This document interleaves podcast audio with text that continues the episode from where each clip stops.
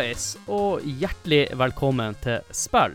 Mitt navn er Adrian Haugen, og i dag skal vi snakke om Metal Gear Solid. Det er det tredje spillet i Metal Gear-serien, og jeg regner med at dette spillet introduserte både deg og meg til eh, snikespillsjangeren. Og med meg har jeg fått med to Metal Gear-eksperter, og vi kan begynne med førstemann Jan Nylund fra Sidelinja. Velkommen. Hallo. Velkommen tilbake. hva, hva ellers skal jeg si? Hallo? Ja, kan si eh, godt å være tilbake igjen eh, etter Ja. Goti-episoden. Jo da, det, det er det alltid. Det er alltid kjekt å være med. Men det er ikke bare oss to, Jan, og jeg må introdusere nestemann, som er kjent som Generalf fra sidelinja. Hjertelig velkommen, Ralf Numelin. Hallo, hallo, hallo. Er Hjertelig, hjertelig velkommen til meg. Eh, og så må jo jeg si det at uh, tusen takk for at jeg fikk være med igjen. Jeg har jo ikke vært her siden uh, Godtid-episoden. Ja, og eh, og Half-Life, eh, da Det var jo faktisk ikke så mange episoder siden, tror jeg. det var bare en epi episode mellom Goti og Half-Life. Ja, det, var, det, var, det er kjekt. For de, de her episodene de gjør jo at jeg må spille det spillet. Jeg føler at jeg er nødt til å spille det spillet vi skal snakke om. Så eh, det var en glede å få lov til å holde på med dette spillet. Og regner med at du blir å dele din erfaring med oss i løpet av denne episoden. Mhm. Men som jeg nevnte innledningsvis her, så var det her min introduksjon til snikespillsjangeren og Metal Gear-serien. Var det her det samme for dere òg, eller? Jeg har et vagt minne om at jeg har spilt Siphon Filter før den gang. Jeg vet ikke om det var helt et snikespill. For helt ærlig jeg husker jeg ikke så mye av Siphon Filter, jeg bare husker jeg spilte det før.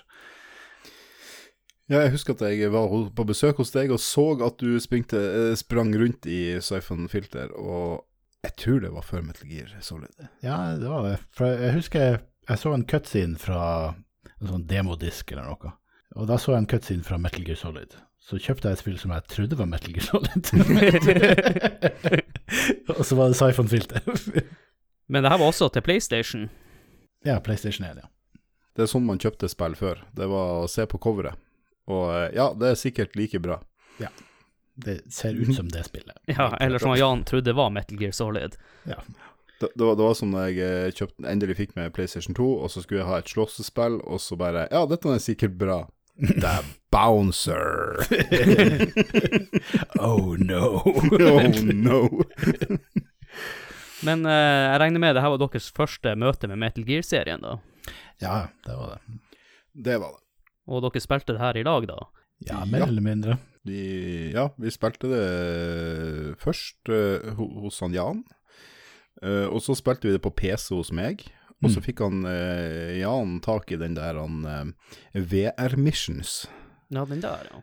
Ja, og da var jeg hos han Jan hver eneste dag i ganske mange uker. Og vi spilte gjennom VR Missions. Testa dere ut den demoen som kom først? Eller du nevnte vel i stad, Jan? Nei, Ikke for min del, i hvert fall. Jeg har ikke spilt demoen, det har jeg ikke. Nei, min erfaring med den eh, spillserien her er jo litt delt. Jeg kan jo begynne med den første gangen. Det så altså en kompis som hadde testa det spillet her. Det første jeg så fra Metal Gear Solid, var bosskampen med han Revolver Ocelot. Som jeg syns både Jeg syns navnet var rart, jeg syns gameplay var rart. Jeg hadde jo ikke PlayStation sjøl på den tida, eller kanskje jeg hadde det, men eh, jeg tror jeg hadde solgt den på det tidspunktet. Så gikk det mange år før eh, han ene her introduserte meg til Metal Gear-serien igjen. Jeg dro på besøk til han Ralf, og han viste meg litt gameplay fra Metal Gear Solid 4. Litt gameplay. Jeg tror nå, Ja, jeg tror nå faen meg vi runder spillet. Ja. og så, kanskje et år etterpå, så visste han Ralf meg Metal Gear Solid. Da. Da tror jeg vi har fått en liten myk start der, så da tenker vi bare går rett inn i materien.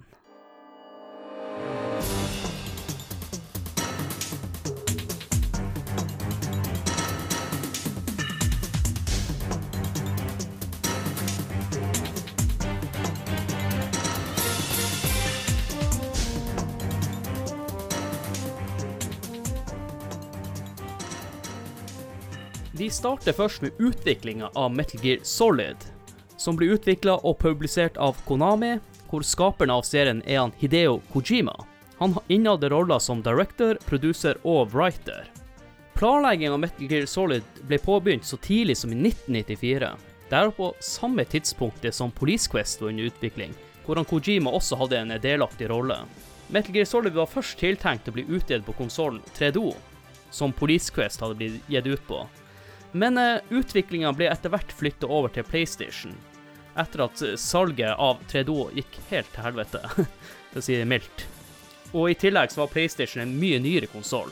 Hovedgrunnen til at spillet fikk tittelen Metal Gear Solid i stedet for Metal Gear 3, var at Kojima mente at de to første spillene i serien var lite kjent utenfor Japan, siden de hadde blitt utgitt på MSX2, en maskin som verken hadde blitt solgt i Nord-Amerika eller i Europa. Men på et senere tidspunkt så blir det gitt ut en eh, NES-versjon i Nord-Amerika, men Kojima hadde ikke jobba med denne utgivelsen sjøl. Selve utviklinga av spillet ble påbegynt i 1995, og utviklingsteamet besto av rundt 20 personer. Kojima sin versjon for dette spillet var at han ønska det skulle være mest mulig realistisk, sånn at eh, spilleren fikk en følelse av at handlinga skjedde i den virkelige verden. Derfor inviterte han et SWAT-team til å kurse utviklingsteamet hvordan kjøretøy, eksplosiver og våpen fungerte i virkeligheten. De fikk også leid inn en japansk eh, våpenekspert til å gi dem en innføring hvordan de forskjellige våpentypene fungerte i praksis. Når det kom til karakter- og mech-designet, ble de her gjort av Yuji Shinkawa, etter input fra Kojima. En artig ting er at kroppen til han eh, Solid Snake inspirerte han Jean-Claude van Damme, mens ansiktet er inspirert av han Christopher Walken. Han er også inspirert av en Kurt Russell-karakter, Snake Plissken fra filmen 'Escape from New York'. Jeg drepte sikkert navnet der, men drit i det. Men jeg vil også kanskje si at han Big Boss er enda mer inspirert av denne karakteren. Spillet ble først eh, vist fram på E3 i 97, hvor det høsta mange gode tilbakemeldinger, noe Kojima ble positivt overraska. Derfor valgte de å bruke 8 millioner dollar på markedsføringa, som inneholdt bl.a. en gratis demo som sikkert av mange av dere som hører på nå, har spilt. Metal Gear Solid ble endelig gitt ut 3.9. i 1998 i Japan, men som vanlig her i Europa måtte vi vente helt til 22.2. i 1999. Og PC-versjonen ble utgitt i år 2000. Det ble også utgitt noen utvidelsesdisker. Først var det Metal Gear Solid Integral, som kun ble utgitt i Japan i 1999. I 2004 så fikk vi en remake ved navnet Metal Gear Solid The Twin Snakes, som ble utgitt på GameCube. Og jeg har en liten fun fact på slutten her. Noe jeg syns er litt artig, er at han Kojima brukte Lego-figurer for å finne ut de beste kameravinkelplasseringene, sånn at spillopplevelsen skulle bli best mulig. Da lurer jeg på, er det noe nevnt nå som er nytt for dere?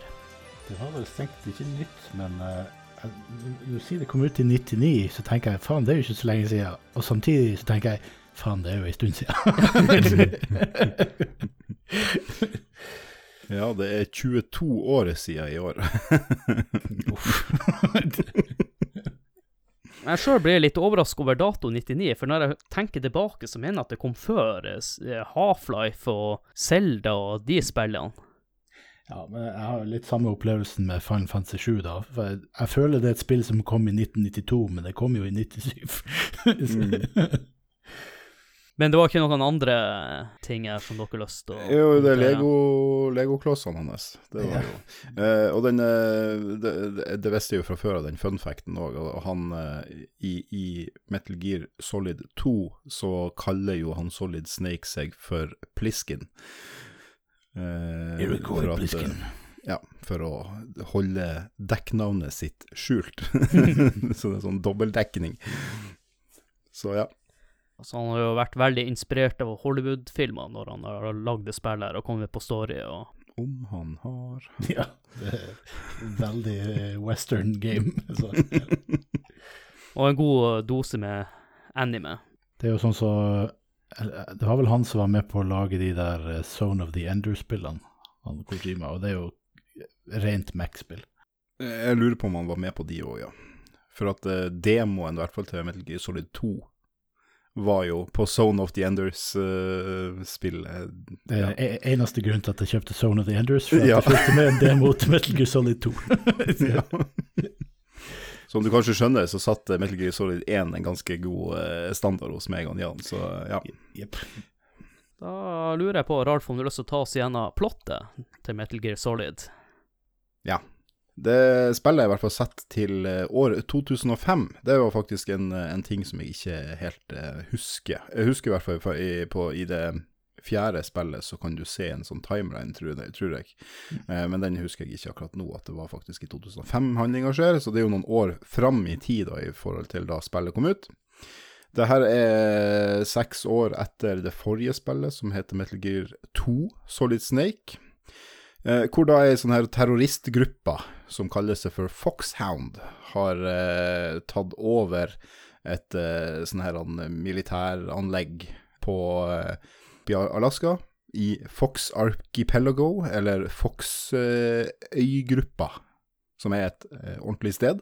Eh, med kodenavnet da Shadow Moses, eh, kalles det her stedet da. På det her øya her så er det en sånn her eh, atomanlegg, eller for å demontere atomvåpen eller noe sånt. Eh, Men eh, egentlig så er det en eh, utvikling av et nytt fancy våpen. Prøv å gjette hva det heter. det er selvfølgelig Metal Gear. Denne versjonen i dette spillet heter Rex. Jeg husker ikke hva den het i de forrige, men om det var bare Metal Gear i de tidligere. Men den heter i hvert fall Metal Gear Rex i dette spillet. De har tatt over dette våpenet her, truer med å bruke det til å fyre av en eh, atomrakett, og de krever 1 milliard dollar innen 24 timer eh, for at de ikke skal sette i gang et eh, helvete. Så du da som Solid Snake må bare børste av deg pensjonisttilværelsen og snike deg inn på det her anlegget, da. Og da er det jo en eh, oberst som er nøkkelperson her, han heter eh, Roy Campbell, som eh, du kjenner fra tidligere. Som, som sender deg ut, og som er din kontaktperson og, og den som har gitt deg oppdraget. da. Sammen med en del andre personer. Vi skal gå innom dem på litt senere. vi kommer innom dem, ja, kjempebra. Eh, du har også et oppdrag, du skal redde to personer der. En som heter Donald, eh, Donald Duck, holdt jeg på å si, Ja. Donald Andersen. og en som heter Kenneth Baker. De er da henholdsvis eh, eh, sjefen for DARPA og et, eh, jeg tror et oppfunnet firma som heter Armstech. Ellers er det ekte, uansett. Det, det er to um, høytstående personer. Så har du eh, Jeg tror du vet vel ikke at uh, dattera til han eh, her um, Roy Campbell er der. Og Jeg tror ikke du får vite egentlig noe særlig om det før senere i spillet. da. Men det er hun heter i hvert fall, og det kommer vi inn på senere, hun er ei, ei dame som heter Meryl, som da også er der oppe. Og så er det bare å snike seg inn, og så er det ja, bryter jo helvete løs, da. Ja. Good, good luck, have fun. ja, good luck, have fun. Ja, det er litt sånn good luck, have fun. Eh, Du kan jo Du har en del sånn eh, Du kan se uh, brifingfilen, sånne videokassetter. Eller så kan du bare trykke start, og så får du en litt sånn kortversjon i introen til spillet eh, om eh, hva det her dreier seg om. Og eh, da er det litt sånn OK, good luck, have fun. Men det er jo litt kult i introen. eh, Du får jo vite plottet der i en sånn debrifing, og du får til og med se alle bossene du møter også i Ja. debrifinga. Og du er jo inne i en ubåt, og så blir du skutt ut i en sånn torpedo, da. Ja. Og så svømmer du inn til Shadow Moses. Men akkurat det her mener jeg har sett noe lignende før. Fra filmen The Rock. ja, men du, han gjør det jo. Han kommer vannveien inn i Metal Gear 1 og i Metal Gear 2 òg, tror jeg. Uh, og i Metal Gear eh, Solid 2, og i Metal Gear Solid 2 er det jo meninga det skal være Ja, ja, Jeg vet ikke hvor mye vi skal spoile. vi skal ikke spoile det ennå. Uh, så og, ja, Metal Gear Solid 3 og 4, der gjør han det ikke. Kommer luftveien der. Men det første jeg tenkte på, i hvert fall er The Rock. Eh, Ja. En annen ting som er litt spesielt med spillet, det er jo hvor grundig den går til verks for å fortelle et plott til et spill. På den tida så var det jo egentlig ganske eh, vagt, de andre spillene. Som for eksempel Golden Eye, der du bare kommer inn til The Dam og så tut og kjør. Eller Doom og de spillene. Det var jo ofte sjarmen med spillsjanger før var jo at det var ikke nødvendig Storyen var egentlig ikke så viktig. Med Metal Gear Solid så begynte storyen å være mer eh, fokuset. For min del så hadde ikke jeg vært borti spill som har gått så inn på story før, så jeg vil jo si det var litt revolusjonerende. Det, Ja, det bygger seg jo veldig opp. Du kommer dit med et eh, tydelig oppdrag, og så finner du jo ut Det skjer jo litt ting og tang etter hvert. Og eh, du finner ut ting som du ikke visste, og du, og du det, det, Ja. Det, det er litt sånn thriller over det hele, da. Twist.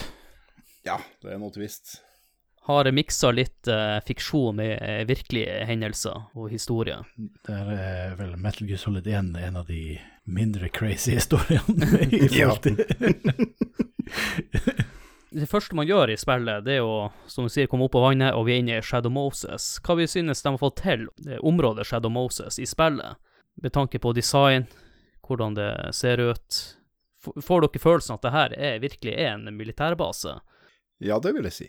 Eller ikke, kanskje, ja, ikke, du får jo følelsen at det er et sånn her uh, atomnedrustningsanlegg, da. Eh, ja, du kommer jo inn liksom i, i uh, altså vannveien i en sånn her eh, Det er vel en underjordisk sånn lager, lagerhall, da.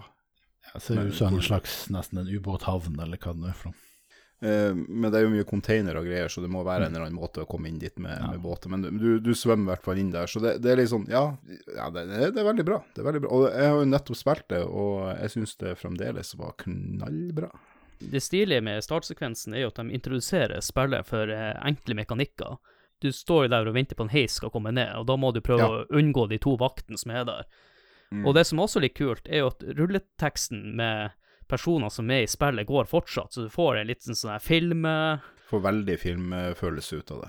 det navnene på skuespillerne og Men det er jo noe som går igjen i Kojima sine spill. Han prøver jo å lage litt sånn filmopplevelse av alle spillene.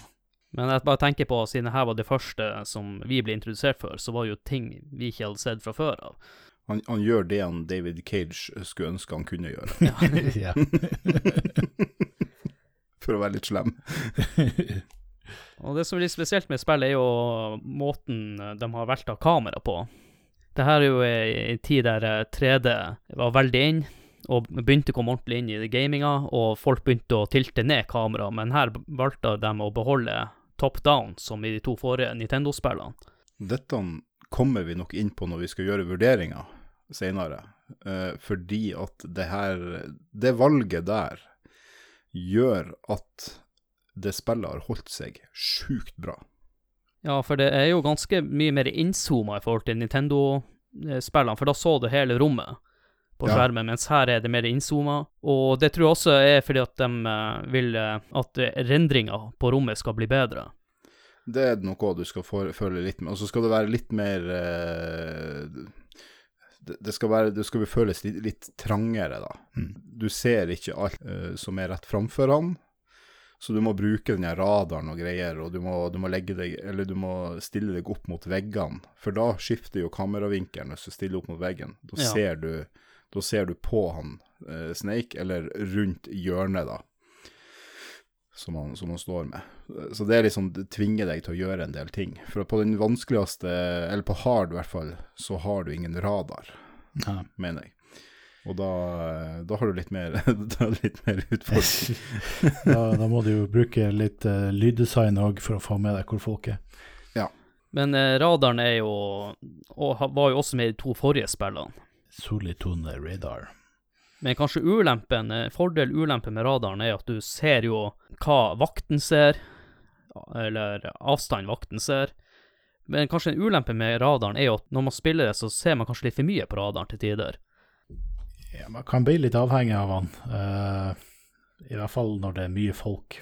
Så kan det være man mister litt immersion, kanskje, men uh. Ja, det, det er veldig lett å bare springe rundt etter radaren. Mm. Men det, det som skjer eh, litt sånn seinere, da, i, i Eller ikke i det aller første området, men liksom når du kommer til det, det kanskje det tredje delen, eh, så eh, Så begynner det du springer på, å endre seg. Så det kan hende at du plutselig så trør du i en vanndam, Mm. og da sier det plask. Igjen, da, det her er jo en sånn ekstra veldig sånn detaljert med det spillet her, da. Da lager det plaskelyder, Og da hører de deg, for de hører mye lengre enn de ser, de soldatene. Så Ja. du springer der etter uh, solitonradaren, og så ser du ikke at du springer plutselig på noe sånn, eh, sånn grating, eh, sånn metallrist. Uh, og, og da lager det mye sånn klang, klang, klanglyd, og da hører de, og da kommer de jo gående. Så. Det gjelder jo det andre, området du går inn i òg, at eh, setter du spor i snøen, så begynner de å følge etter sporene. Ja. No, noe du ikke tenkt, har tenkt på egentlig i noen spill før den tid. Nei, nei, nei. Det som også imponerte meg, det er jo fokus på detaljer. Også bare det at når han, eh, Solid Snake er i kalde områder, så ser du eh, frostrøyken.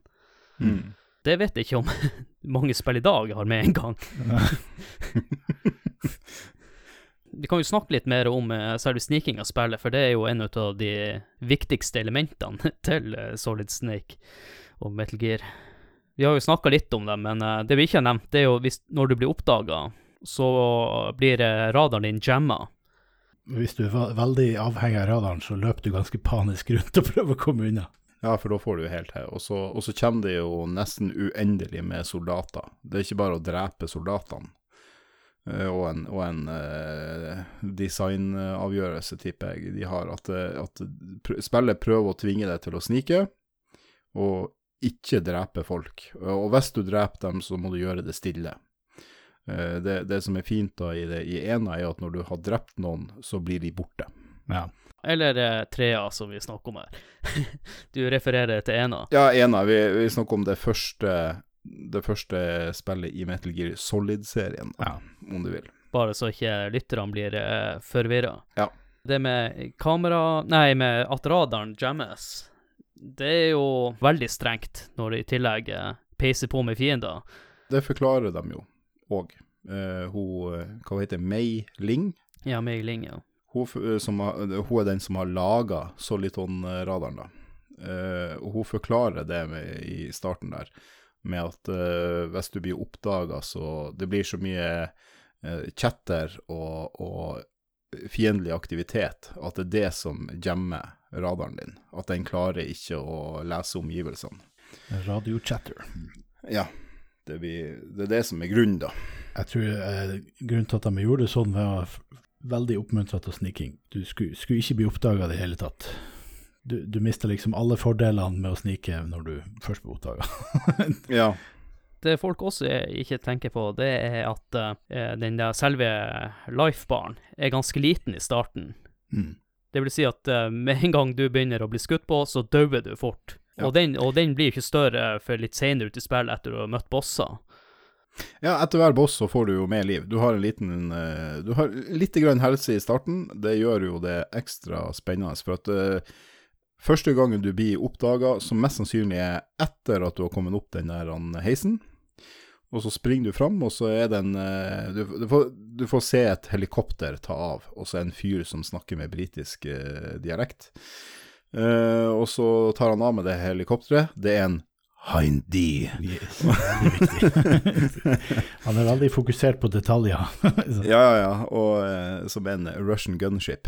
På den eh, helipaden som eh, han, han, han, han briten der og nettopp har tatt av ifra, så er det en boks. En, en, en liten sånn lut-ting. Eh, og de boksene de ligger jo liksom spredd rundt omkring. Det kan jo være, det kan være våpen i de, det kan være eh, ammunisjon. Det er oftest mer ammunisjon i de. Men eh, du må selvfølgelig springe bort og ta den. Og eh, jeg, vet, jeg har enda ikke møtt noen som ikke har eh, blitt truffet av eh, det der søkelyset. Ja. Eh, når de da springer for å ta denne kassen første gangen.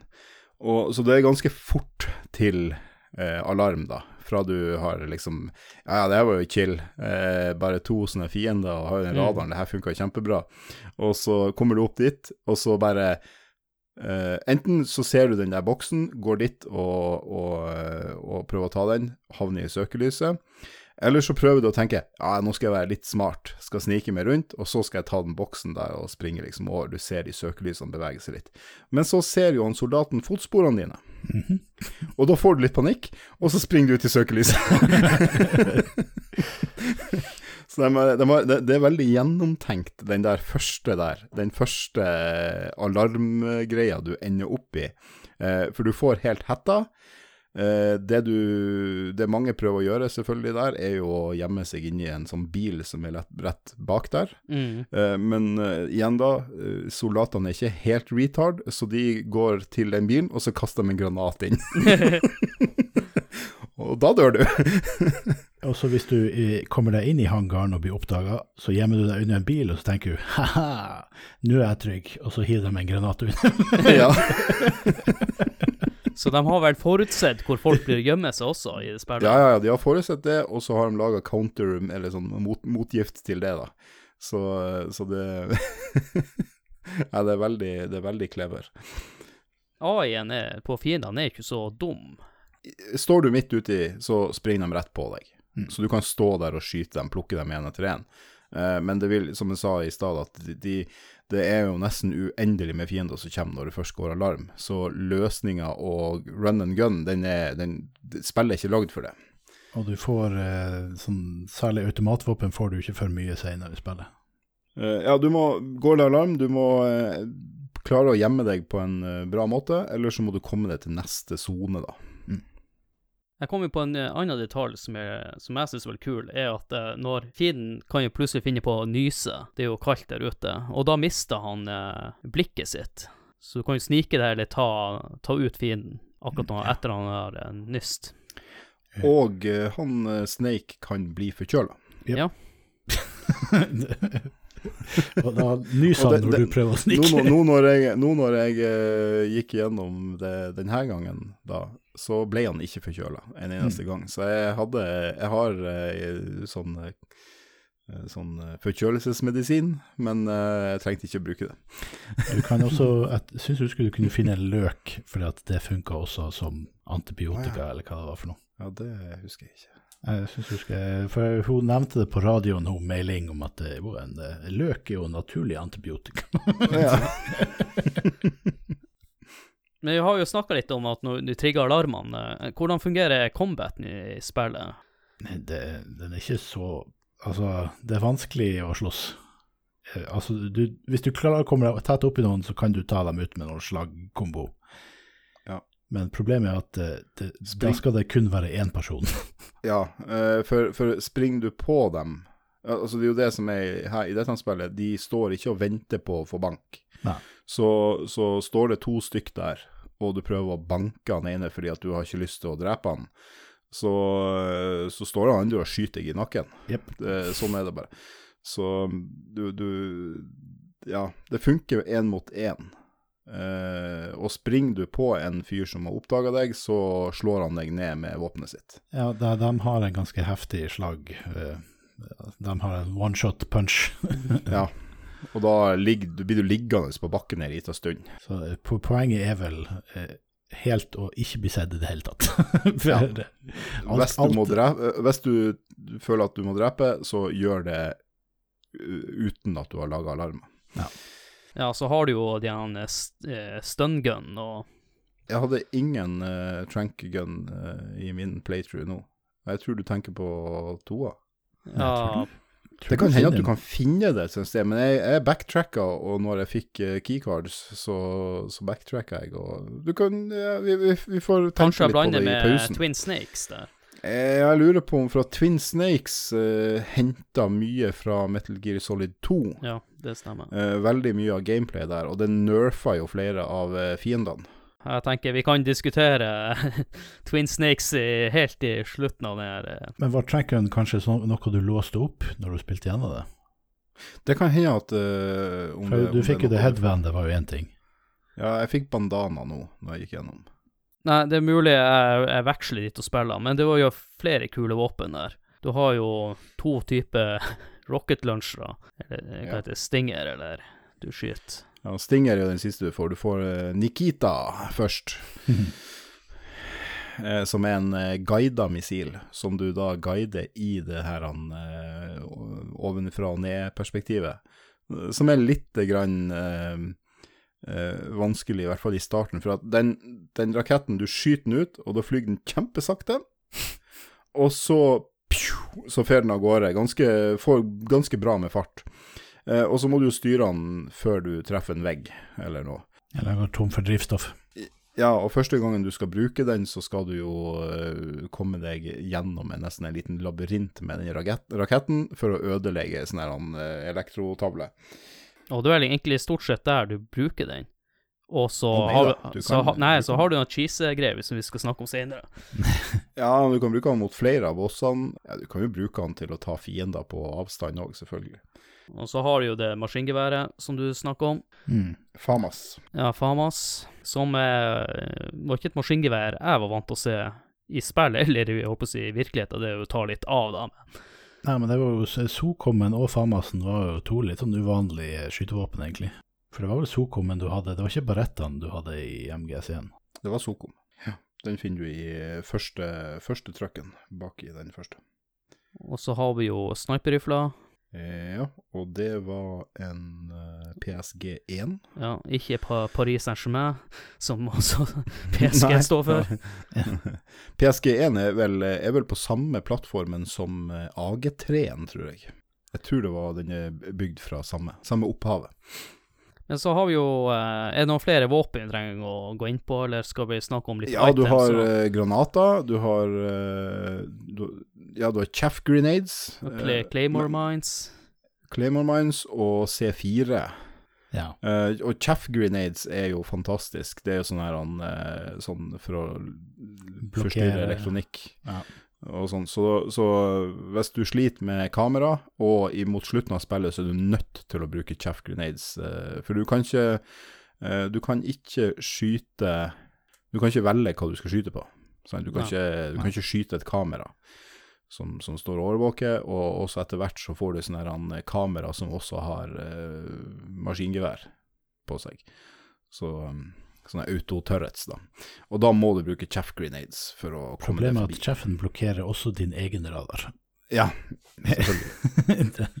Og så har vi litt eh, eh, en god del items. eh, rations er jo Og de kan du bare ha tre av i starten, og så kan du bare maks fem til to, slutt. to av i starten, tror jeg. Og så får du én slott til per boss opp til fem, eller noe sånt. Ja, det er litt avhengig av vanskelighetsgraden, tror jeg, hvor mange du har lov av. Ja, og en annen ting som er litt eh, Du har jo body armor du kan på deg. Du har eh, Ja. Gassmaske, sigarett, eller eh, sigar. Sigar. Det var sigarett eller sigar, jeg husker ikke. Jeg tror kanskje det var sigarett. Metal Gear Solid 1 så var det sigaretter, Big Boss hadde sigaren. Ja, stemmer. I Metal Gear Solid 2 så gjør de jo en greie der med at du mister liv Ja. når du har røyken i kjeften. Men det som er litt eh, teit med å, å bruke items i spill her, vi diskuterte jo litt før vi, vi spiller inn, Rolf, eh, det med gassmasker. Det er jo et område der er, du må bruke gassmasker for å finne keycard. Om du skal Ja. bruke keycardet, så må du ta av gassmaska sånn at du mister liv. For å så låse opp døra, for å så ta på deg gassmaska igjen. Det, det, det er akkurat som i virkeligheten. Det, altså det, det, det er noe av det mest eh, realistiske, faktisk, eh, vil jeg si. Det, og det er veldig sånn samfunnsaktuelt akkurat nå. For at nå når jeg Jeg bor jo da her i, i, i Viken. Og her er det jo sånn at du må være overalt omtrent du er, så må du ha ikke gassmaske på, men ansiktsmaske pga. koronaen. Og jeg har en eh, iPhone. Den har noe som heter i- Face ID. Så, det, så det, jeg, det jeg må gjøre da, for å kunne Hvis noen sender meg en melding, så må jeg eh, unequippe Gassmaska. gassmaska mi. Og så tar jeg opp telefonen, og så låser den seg opp. Og så må jeg equippe eh, gassmaska igjen etterpå. Sant? Så det, det er helt aktuelt, det her. Det, er ikke et problem i det hele tatt. Nei, så så- SWAT-teamet, de naila det der der. I, De naila det. Eh, hva er deres eh, favorittvåpen, da, i spillet? Var jo egentlig ikke så stor fan av våpen i det spillet, for det var om å gjøre å ikke ta livet av noen. Så, så du likte å bruke the the bare fists? My fist. Ja, det var det, det var det jeg skulle si, at uh, mitt favorittvåpen det er den her og den her. Nå løfter jeg uh, knyttneven. Ja, det er en gag som funker dårlig på en podkast. Mm, funker dårlig på podkast. Nei, det var vel Man choka dem ut, det var det man gjorde. Man hadde ikke tranken, man bare gikk rundt og choka folk. Ja. Og så trykker man litt for mange ganger og knakk nakken på dem. Ja, det er jo det, det som er i det spillet, da, at du må gjette litt til Eh, for du, og, og det ene det er jo faktisk litt realistisk, da. For Mm. at du, eh, når du Når du tar en sånn eh, kveletak på folk, da, så kan du holde dem, og så kan du dra dem med deg. Uh, og etter ei lita stund så begynner de å prøve å vri, bryte seg løs ifra, fra grepet ditt. da. Og da kan du stramme grepet med å bare slippe eh, knappen og trykke den inn en gang til. sant? Da blir det sånn øh. Så, så du skal liksom da Du kan kvele dem hvis du holder på lenge nok, Mm. men du vet ikke hvor lenge eh, han her klarer seg uten luft før han eh, slukner. Så, så du, du, du må gjette litt. Og hvis du trykker for hardt, for, altså for mange ganger, så brekker du nakken på den. Det ble, jeg, jeg husker det ble ekstra brutalt i, om det var i trea, da du bare kjørte kniven i strupen på dem. ja, han bare tar kniven og så bare bløgger han. Traumatisert første gang. Og så Han bare OK! Jesus Christ! Men det er et item vi ikke har snakka noe om, som kanskje er det viktigste i spillet, som er kodeken. Som bortsett fra keycards, så ja, kodeken. Og det her var jo en eh, ny måte å eh, føre storyen på, da. Ja. Ja, for du kunne jo stille den inn på så å si alle frekvensene du ville. Ja, den har en range fra jeg tror det er 139,1 til 144,99. Mm. Jeg tror det var noe Jeg er ikke helt sikker, men eh, ja. eh, De fleste ligger jo der rundt 140-141 i frekvens, da. Komma et eller annet. Eh, De fleste får du jo automatisk, men det er vel et par du kan den, den ene finner du på coveret. Back of the CD case, som de sier Ja. spillet. Det er veldig breaking the fourth wall. Ja. Og det er faktisk på baksida av eh, hva, hva det heter den casen? Crystal Ja, CD-coveret til Ja. spillet. Så Det er koden til, eh, for å kontakte hun Merrill. og hvis du er så uheldig at butikken har dekket den med et klistremerke, så eh, Eller så Hvordan var det? Eh, kjøpte du, eller spilte vi disk 1, at du hadde lånt disk 1, Jan, av noen, og da hadde du ikke coveret? eh, jeg, husker det var noe der. Og så hadde du ingen peiling på hvordan du skulle få tak i Merrill. Og så til slutt så sier de 'look at the back of the CD case'. Hva faen for noe CD du snakker om? Og så står man der og tikker 0,01 i frekvens, og så prøver jeg å ringe. Ingenting. Tikk, ringe, ingenting. Tikk, ringe, ingenting. Og det er ganske mye å tikke seg gjennom. Gud. Det jeg også syns er litt kult med de uh, kodeksamtalene, er at de også snakker til deg som spiller. Mm. Ja. For de sier jo 'press options' for uh, calling up the codec, og så forklarer de også hvorfor du kan uh, høre dem, mens ikke vakten rundt hører det. It stimulates the bones in your ear, so bla, bla, bla. Science, science. Ja. Men han beveger kjeften. And sci nanomachines. Ja, nanomachines. det, til de som ikke har spilt Metal Gear Solid, så det er svaret på det meste. Det, det er som, eh, det er som eh, den der filmen uh, Interstellar. Svaret der er jo love. Ja. Eh, Her er svaret uh, nano, nanomachines. Så, å ja, han er en vampyr som ikke kan dø. Nanomachines. Men jeg, jeg syns i hvert fall at uh, kodeken uh, klarer å føre storyen også på en bra måte, uten å være for irriterende. Jeg har nå hørt at det er andre Metal Gear-spill som blir plaga mer med kodekken. Altså, det er veldig cutscene heavy, det er det. Det er veldig mange lange kodek-moments, men, eh, men eh, første gangen Altså, du kan jo spole gjennom mm. da, Eh, men første gangen så vil jeg si at det er Jeg, jeg ble ikke plaga av det. Det var veldig interessant å, å høre. Eh, og så er det jo en par sekvenser hvor, hvor eh, karakterene begynner bare å prate drit. Altså, de, de bare prater om eh, life and shit, liksom Ja. har ingenting med spillet eller oppdrag eller noen ting å gjøre. Så det, det, det er igjen da, det bygger opp litt det her at du, ja, du tror på historien. Mm. Ja. Det som også er spesielt, at det var jo full i voice acted. Alt. Alt av dialog. Ja, og i tillegg bra voice acting, som vi ikke var bortskjemt med på den tida. Så hva var Castlevania som hadde litt sånn spesiell voice acting? Eller? Det, det er litt i det her spillet også at det høres ut som du prater inn i et tomt rom. Men kanskje ikke like mye som i andre spill, der du hører skikkelig ekkoeffekt når de eh, snakker. Ja, over kodeken så er det jo ikke sånn, men eh, ja, det er mye ekkoeffekt i cutscenene i spillet. Og det var jeg heller ikke vært så vant til. Det var jo de lange cutscenesene og uh, Ja. kvaliteten på dem. Du følte jo at du spilte, spilte en film, og det er litt som dere sa innledningsvis, han Ralf så på, han Jan spilte, og motsatt, og samme for meg, så på, han Ralf spilte. Eh, det, det går i det spillet her, for det er så mye som skjer ellers. Du får litt variasjon i, mellom gameplay og cutscenes.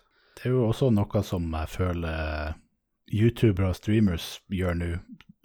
Det, altså det var jo, eh, når vi var, eh, når vi var yngre, så var det jo Man satt jo og så på kompisen spilte. Mm. Det var jo ikke alltid multiplayer-spill. Av og til så var det man satt og så på noen spilte singleplayer-spill òg. Ja, så, så, så, så satt man der, ikke gjør det, husk å ta liv, og Ja, ja. Var, var co-pilot. Eller sånn som da vi spilte Final Fantasy 9. Mm. Eh, der var det jo toplayer i kampene. da var det jo, jeg satt og så på der vi spilte Resident Evil 2, for eksempel. Ja, ja, ja. Det, det, det er bare noe man har gjenskapt nå med å se på folk på YouTube gjøre det istedenfor. Ja, ja, det er jo den eh, reaction-delen er jo eldgammel, egentlig. Når, når vi har snakket litt om eh, story og cutscene, så tenker jeg at uh, vi kan jo gå litt nærmere inn på de andre karakterene.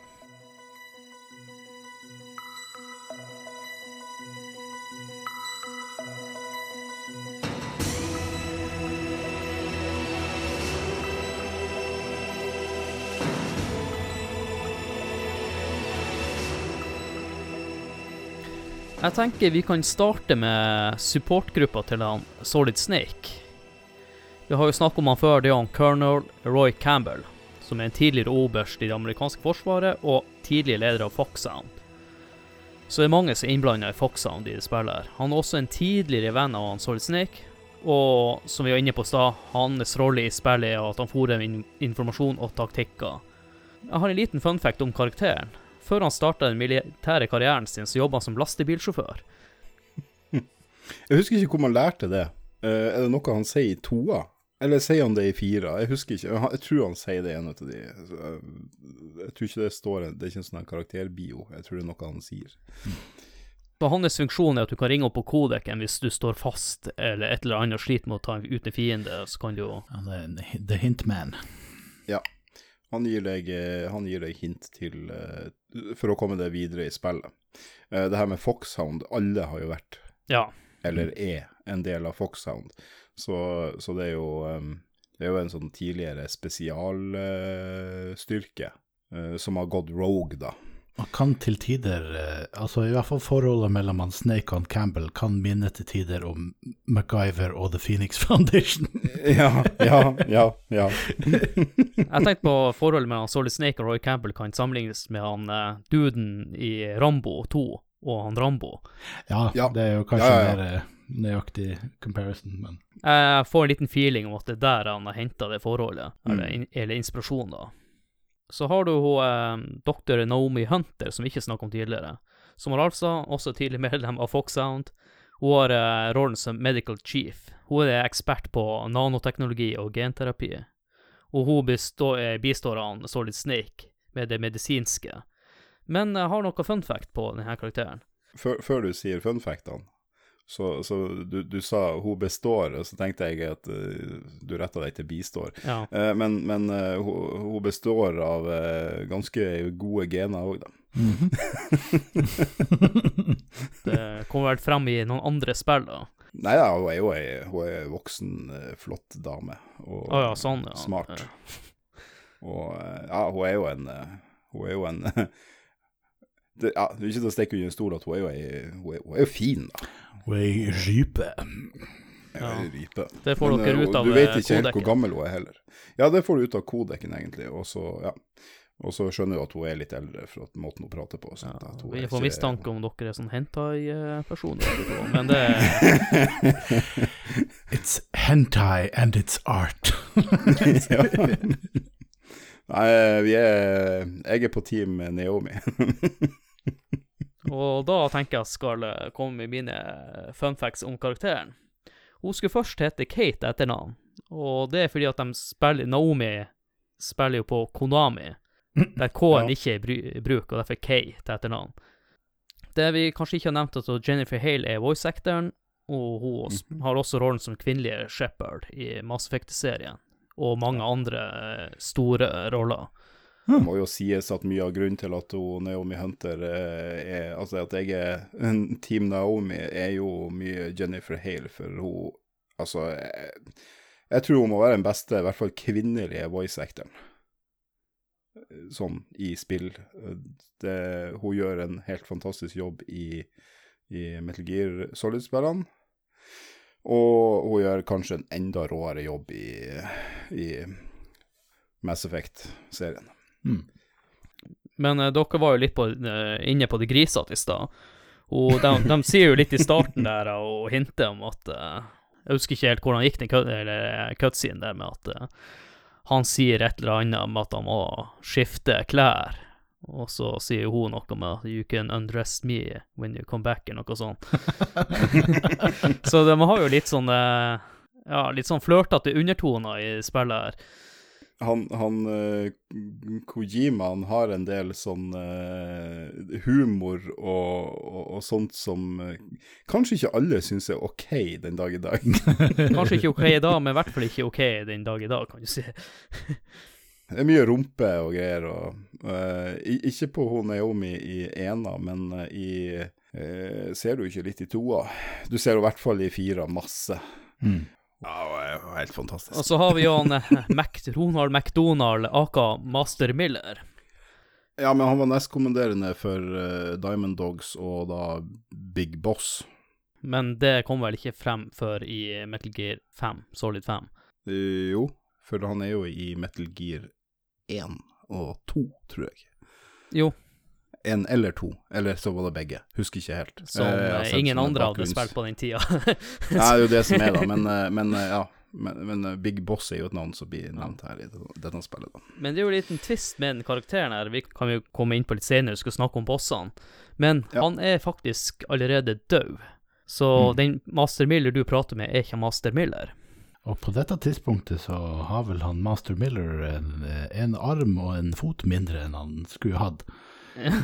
Så han er en god instruktør, militærinstruktør som er så, såpass handikap.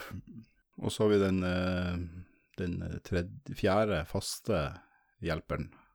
som er jo mailing. Vi har snakket om det tidligere, men det vi ikke nevnte, eller jo, vi gjorde kanskje det at eh, for å lagre spillet, så må du ringe opp. Ja, vi sa det ikke, men eh, det, for å save, så er det hun. Igjen da, igjen da, eh, de bryter jo den fjerde veggen eh, ganske så ofte i det spillet her, og eh, hun Det skjer en del ganger at hun ringer deg og spør om ikke du skal save. Mm. Ja. Og det vi kan også nevne med de personene vi har nevnt nå, du møter ingen av dem fysisk i spillet, det er kun gjennom kodeken. Det er kun i en VR-mission at du får se to eller tre av dem.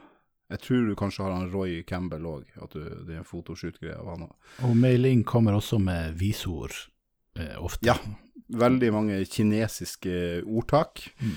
og, og viser Du har en til person som er support, eh, som eh, du ikke får se ansiktet til eh, når han ringer deg. Han Ja. kaller seg for Deep Throat.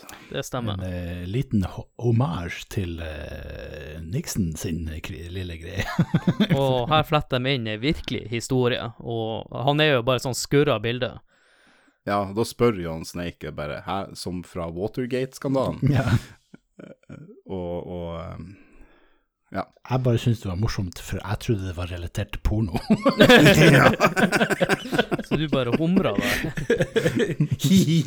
Deep throat. ja, ni- 99, da hadde vi allerede vært og undersøkt uh, interwebsen. Ja, Jeg hører at eh, sidelinjahumoren vår sklir litt over i episoden her. Ufta, ufta. Altså, du kan ikke høre deep throat og ikke tenke porno. Og med det så tenker vi bare å gå videre til der han eh, Kojima kanskje fokuserer på det meste. Når du er inne på porno, så kanskje er det politisk korrekt å si at da er vi greit å gå videre til denne personen, ja, for så vidt. som er jo Mer Meryl Silverberg. Men hun er faktisk ikke med i Foxhound. Hun er med i Next Gen Special Forces. Og Ja. er sendt ut til Shadow Moses. Ja, hun var jo faktisk en del av soldatene på basen. Ja, og hun blir Mm. sendt inn av at det plutselig bare forsvant soldater. Så hun blir jo tatt til fange fordi at eh, hun er til stede når eh, Foxhound tar kontrollen over området. Mm. Og yndlingshoppen hennes er faktisk en Desert Eagle. Men jeg har noen eh, fun fact her òg. Dere tenker kanskje, og Meryl, at dette var det første spillet hun dukket opp i, men det stemmer ikke. For denne karakteren er også dukker også først opp i spillet Police Quest.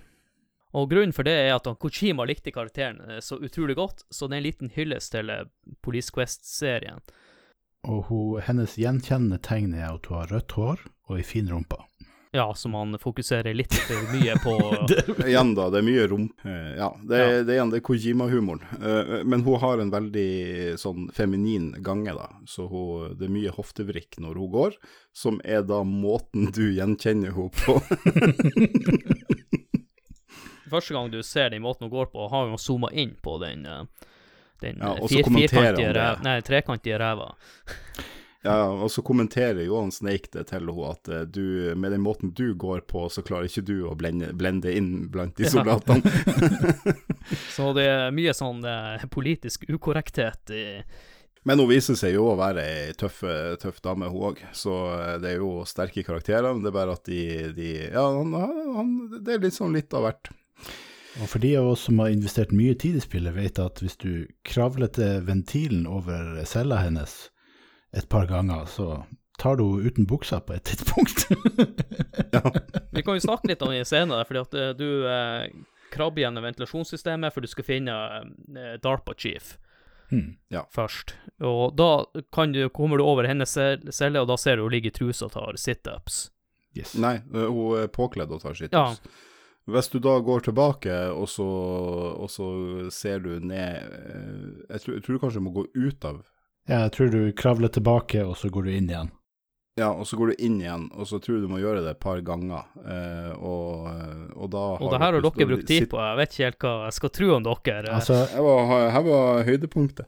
altså vi, var vi var tenåringer, hva ellers skulle vi gjøre? Herregud.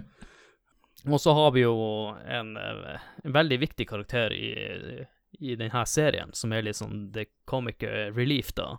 Som Mm. er Dr. Hal Emerick, aka Octocon. Aka- Ottakon. Ottakon. Uh, Aka 'Love can bloom on the battlefield'. Ja, Ja. Aka Otaku. Ja. han er ansatt i Armtech og er skaperen av eh, Metal Gear Rex, som han ikke har fått med seg egentlig hva er formålet til, da. Men jeg har noen eh, fun facts om han Hæl. Eh, navnet Hæl er jo henta fra filmen eh, 2001 av Space Odyssey, hvor AI-enheten i filmen heter Hæl 9000. Og karakteren skulle egentlig opprinnelig være en litt feitere fyr med caps på hodet og spise en Snickers. ok, det var veldig spesifikt. I can see that. Han, han, han er jo en, eh, han er jo en uh, morsom kar, da. Ja, han, han pisser seg ut. Mhm. Han har egentlig generelt en ganske fucked up backstory. Ja, han har veldig fucked up backstory. Familien hans er jo helt fucked up. Men det kommer vel ikke så godt fram i det her spillet.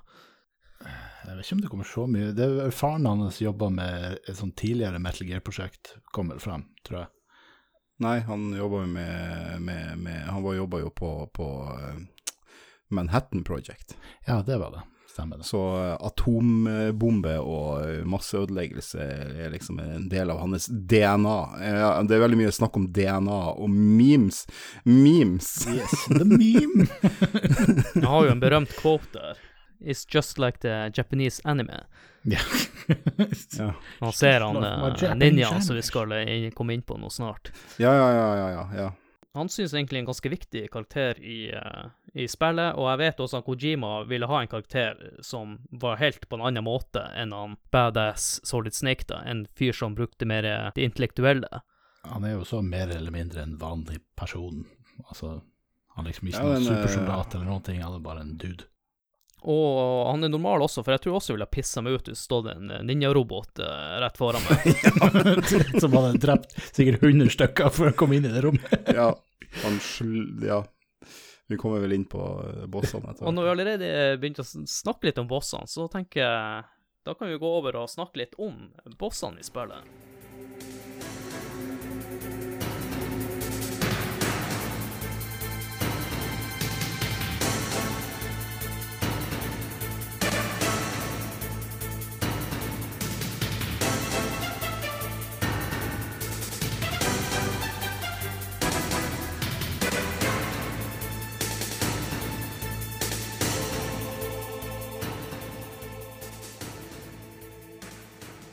Jeg tenker vi kan starte med han Decoy Octopus. En karakter du hører om, men egentlig aldri ser. Du møter han spiller, men du ser ikke hvordan han egentlig ser ut. Som er The Master of Disguise. Eh, det var faktisk tiltenkt at han Snake skulle slåss mot denne karakteren, opprinnelig da.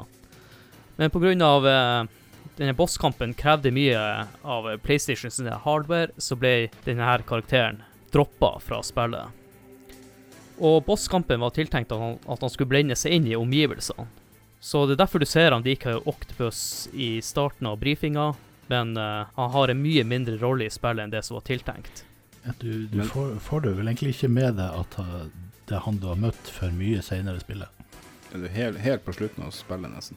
Uh, men han er jo da en jævlig viktig eh, Ikke boss, da, for at du slåss aldri mot han, men han er jo egentlig en jævlig viktig karakter. Ja. Ja. Eh, for det er han som eh, Det er han som setter deg i gang med å gjøre det du gjør.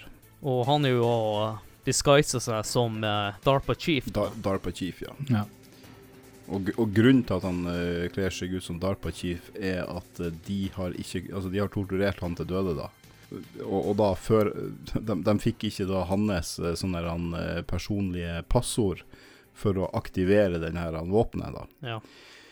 Uh, så da kler han seg ut som Decoy Octopus, og han, nei, han Decoy Octopus uh, kler seg ut som DARPA Chief, og sier da at de har fått koden, at de klarte å, å få koden hans. Men egentlig, på det tidspunktet der, så kunne egentlig han Snake bare gått hjem, for de har ingenting. De kunne ikke aktivere eh, Metal Gear på Nei, det de kunne ikke aktivere det. Så de bruker han eh, Solid Snake rett og slett for å få tak i den koden. Som, som man kan diskutere eh, litt senere om det er dårlig skrevet eller ikke. Dessverre så fikk vi aldri oppleve en bosskamp med Decoy Octopus i det her spillet. Han jeg nevnte, som var mitt første minne med spillet, er jo han Revolver Ocelot. Som er en eh, gunslinger og en eh, ekspert på torturmetoder og for, eh, forhørsteknikker. Og favorittvåpenet hans er jo den der han, han får trikse med i to-tre minutter, som er en Mhm. Colt Single Action Army, også ja, kanskje en Colt Python, bedre kjent som Colt Python. Jeg er ikke våpenekspert. Men jeg har noe fun fact om eh, denne karakteren. Hans inspirasjon er henta fra skuespilleren Lee Van Cleef, som er en gammel eh, westernskuespiller. Men han har også vært med i yndlingsfilmen til Kojima, 'Escape from New York'. En annen morsom ting er jo at han skulle først ha kodenavnet Revolver Lynx. Det er jo ei, ei anna katta, basically. Ja, ja. Men han er jo ikke smooth som ei katt, da. Nei. Men kulen hans er smooth som ei katt. Ja. For han kan skyte når du slåss mot han. Skal vi si, snakke litt om bosskampen? Ja, ja, det er det, det jeg hadde tenkt det. Skyter i vinkler. Ja, han har jo, han har jo tatt den der han eh, Armstech-presidenten, da, eh, til, til fange hos seg, og, og venter vel egentlig bare på at du skal komme dit og prøve å redde han. Han er pakka inn i eh, sprengstoff. ha- ja, ja, også jævla mye sprengstoff her i det. Men, eh, men der er jo at du skal jo Det er en gunfight. Mm. Uh, men det er jo en gunfight med en uh, twist, som jeg tror heller ikke har liksom vært i noe tidligere spill. Det er jo det at du uh, Han her Armstech-presidenten, han er jo eh, Han er knyttet fast i en stolpe midt i rommet. Så Og omringa tripwires. og, og masse C4, da. Så du kan ikke ta eh, snarveier innenfor eh, det, det er fire sånne eh, stolper, da. Så du må springe rundt rommet eh, og jage etter han, eh, han re revolver Oslot og prøve å skyte han, da. Eh, og han eh, Oslot, han kan skyte på veggene eh, og så sprette kula av veggen og treffe deg, da. Og det trikket med den kampen er at hvis du tar en snarvei og springer innenfor stolpene, så tripper du de vaierne. Det er også en, eh, en sånn eh, rasjon Ja, altså veldig noe ammo nært der. Ja. vaierne. Ja, noe ammo. Så du må være litt forsiktig hvis du skal prøve å ta de, for du kan komme til å springe på vaieren. Og, og da sprenges jo hele greia. Da hører du, før du dør, så hører du at uh, han Revolver Oslot uh, bare roper 'You idiot!' og samme hvis du er litt uforsiktig, for det er jo auto-aiming i det spillet her. Eh, og, og når du da skyter etter han uh, Revolver Oslot, så springer jo Han driver jo og springer, så du må prøve å skyte han mens han springer. Eller hvis han stopper for å lade våpenet sitt. Og, og når han da springer, så må du være litt forsiktig at du ikke du skyter han Armstek-presidenten, Ja. for det kan du òg gjøre. Og da er han død, og da er det 'you idiot'! Men på slutten av bosskampen så dukker jo opp den ninjaen vi har snakka om, og kappa Mm, av han ja. handa. Du vet jo ikke på det tidspunktet hvem det er, men du finner jo senere ut at det her er jo han Grey Fox, tidlig kjent som Frank Jager. Som er en boss fra Metal Gear. Og det var en eh, kompis av han Snake. Ja. Og en gammel Fox Sound-soldat. Og en, og en gammel fiende. Det eh, gjelder nesten alle som var i Grey. For du slår han jo du, du tror jo at du dreper han i, i Metal Gear 1 eller 2, Mm. eh, som er en fistfight, da. Ja, jeg tror det er toa. Det som er kult med karakteren, er for at uh, det tar litt tid for at du finner ut hvem det her er, og det er jo et mysterium hvem denne personen er. Og du finner jo også ut at han er broren til uh, Hodeomi. Naomi. Eller det er vel ikke Han er jo ikke bl Han- Han. Han, eh, han, han eh, forteller helt til slutt i spillet, før han dør, så forteller han at, eh, at eh, han er ikke eh, ikke på noen måte i familie med henne. Han er ikke Altså, han, han er som hennes storebror. Hun er vel klar over det at liksom, han er halvbror eller whatever. Mm. Men faktum er det at han drepte foreldrene hennes da hun var lita, og så klarte ikke han å drepe henne Ja. ei lita jente. Så han eh, tok vare på henne da, og liksom eh, passa på henne. i oppvoksen. Ja, adopterte henne på en måte, da. Og, men du slåss jo mot han her også. Det er jo litt kul scene. Du går jo forbi masse lik og skjønner ingenting eh, rett før du kommer til rommet. Han er jo litt ustabil, og mest fordi For de har jo så å si vekka han opp fra de døde og trykka han inn i den drakten som han Så holder han, holder han oppe. Og, og det Og da er jo liksom det en throwback til uh, Metal Gear 2, som da du, du ender opp i en eh, du, du kan ikke skyte han. Hvis du prøver å skyte han, så bare det kutter han jo ned kulene dine. Ja, men før vi kommer til bosskampen, så er jo det som vi nevnte med i stad med han uh, Octacon. Nei, men Octacon er jo at Ja, du, eh, du møter han Octacon i samme rommet. ja, Han pisser som ja, da han pisser seg. ut, og etter han pisser ut, så begynner Ja, og så springer han og gjemmer seg i et, eh, Skap. i et skap, og så, eh, og så begynner du å slåss med han. Og eneste måten å slå han, det er å faktisk slå han med Nevene. knyttnevene. Ja, og når du har slått han et par ganger, så legger han vekk sverdet sitt, og så Ja, dette er det jeg vil ha. eh, Ja, ja fistfight on the battlefield. Så etter den, etter den kampen, når han eh, stikker av, da, så, eh, så sier jo han eh, Snake at det, der er han Grey Fox. Men den eh, selve fighten er jo ganske rett fram, du bare slår eh, Men jeg syns jo den fight-sekvensen er ganske lang. Mm. Den er ganske lang, og det blir jo sånn hide and seek-greie. og Etter hvert som du har banka han, eh, så, så, så stikker han av, for han har jo sånn her han eh, Sånn eh, optisk eh, kamuflasje, sånn, sånn at du ser tvers igjennom han. Eh, Den eh, Sånn at han bare hopper opp, og så eh, får du se et eh, skjermbilde at han lander et eller annet sted i det rommet, og så må du gå dit eh, og, og slå han før han eh, bruker sånn her power-slag på deg, da. Så det er sånn hide and seek, da. slag. Ja, og helt på slutten av kampen så begynner han jo å gi fra seg strømstøt og greier, så da må du slå han imellom de støtene, for at eh, Ja, det gjør jævla mye skade. Så han, er- ikke helt frisk. Nei, det var en lang bosskamp, og det er du som må starte helt fra scratch. Ja, da starter du jo Da starter du utfor rommet.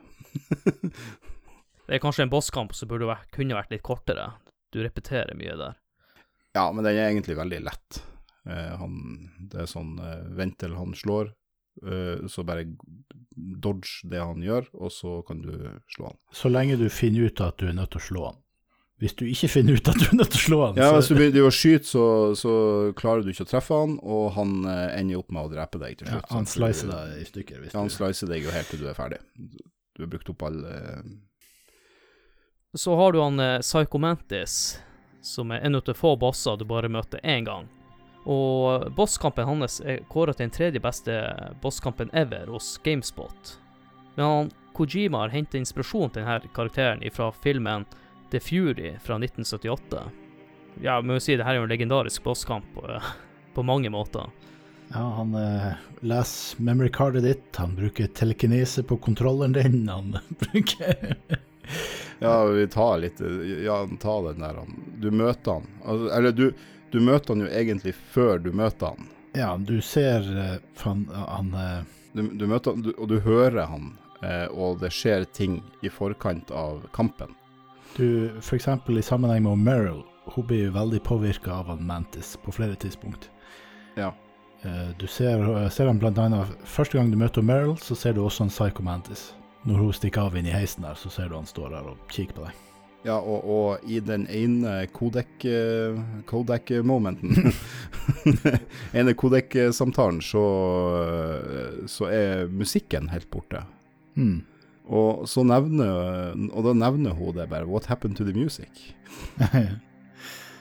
Og, og det er han, det er han uh, Psycho Mantis som du da kødder med det, da. Igjen, da. Med 'Breaking the Fourth Wall' Ja. i, i hele tida.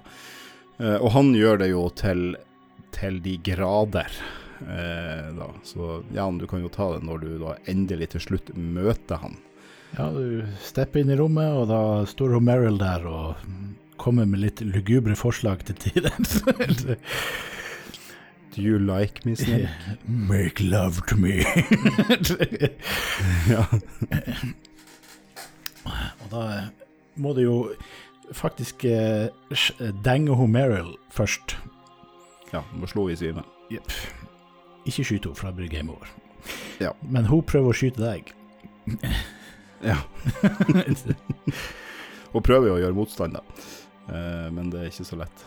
Når du har eh, slått henne i gulvet, så møter du han, eh, ser du han face to face, han Mr. Mantis. Og da kommer han med litt sånn veldig fourth wall breaking-ting, som er sånn ah, Han, fortel, han forteller jo at han er den største psykokinesis-eksperten i verden. Yes. Eh, og, og, og så bare Tror du meg ikke, så Ja. Legg kontrolleren på gulvet. Og det, det Jeg lurer på om det, det hjalp vel bare når du hadde Rumble-kontrolleren, for det var jo Ja, det står DualShock kobla Ja. til. Da sier han 'put your controller on the floor'. Ja, Og da står han og rister den i, Ja, i Så rister skjermbildet, liksom, og så blir det sånn «Ho-lyd, og, og så rister kontrolleren din, og den går bortover gulvet, liksom. Og det, det er også eh, eh, Han leser minnekortet det også, så bare eh, I see you like playing Crash Bandicoot. ja, ja. Så de, de har lest inn da en ganske En god del spill, da. Eh, nå, nå har ikke jeg sjekka faktisk hvor mange spill de hadde lest inn på forhånd, det skulle vi kanskje ha gjort. Mm. Eh, men det er en god del spill eh, som de har lest inn på forhånd. Så hvis du har save games på minnekortet, samme minnekort, som, som et spill som han eh, har lest inn, så får du en liten sånn Å ja, du liker å spille det? Ja. Og dette har de jo også tatt med i eh, Twin Snakes-remaken, da. Og bare, da er det bare Oh, so you like playing Super Mario Sunshine? og, og, så sa, og så svarte jeg tilbake til TV-en. Nei, det er et drittspill. Det det verste jævla Mario-spillet noensinne.